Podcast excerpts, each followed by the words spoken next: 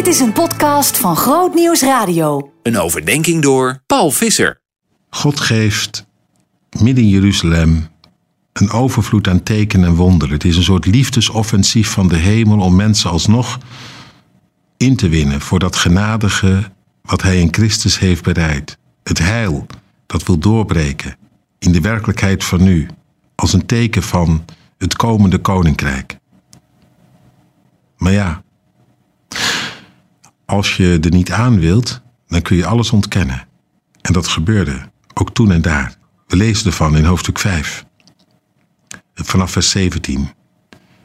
Daarop, dus op dat geweldige wat God te zien gaf, daarop besloten de hoge priester en zijn medestanders, de Sadduceeën, in te grijpen. Vervuld van jaloezie als ze waren, lieten ze de apostelen gevangen nemen en opsluiten. Aangrijpend, hè? Je kunt het met eigen ogen zien, maar zo dwars zijn dat je het koste wat het kost niet aan wilt. Dat is wat hier gebeurt. Ze laten zich niet gezeggen. Integendeel, ze gaan al dwarser liggen. En heel eerlijk wordt hier de reden benoemd.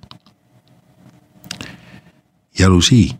Ze kunnen het uiteindelijk niet hebben. Dat de aanhang van die apostelen, van die paar mannen uit Galilea die daar staan te preken en wonderen staan te doen, dat die groter is dan hun eigen aanhang. Althans, dat het helemaal buiten verhouding dreigt te raken.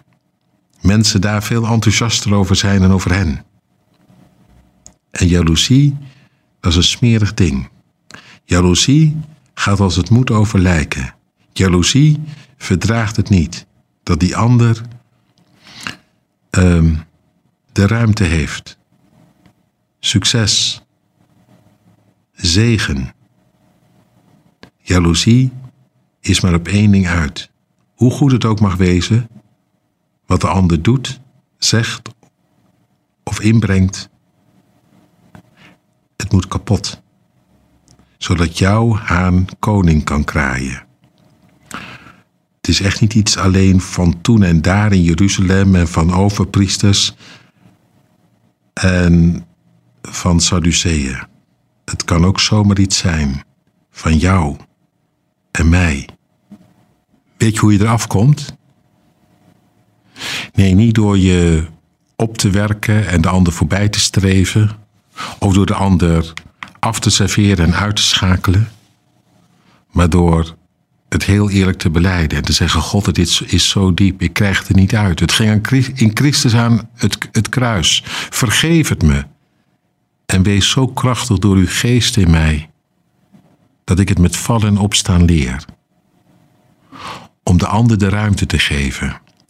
Om u door de ander heen zijn of haar haar werk te laten doen.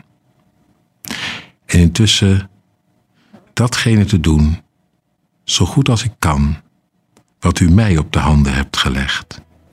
En vooral de liefde te leven, waardoorheen u ook in mijn leven uit de voeten kunt. Je zegt, nou ja, dat is ideaal gepraat. Nee hoor, dat is het gebed van iemand die gelooft.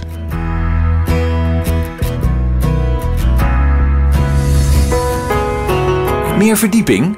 grootnieuwsradio.nl slash podcast.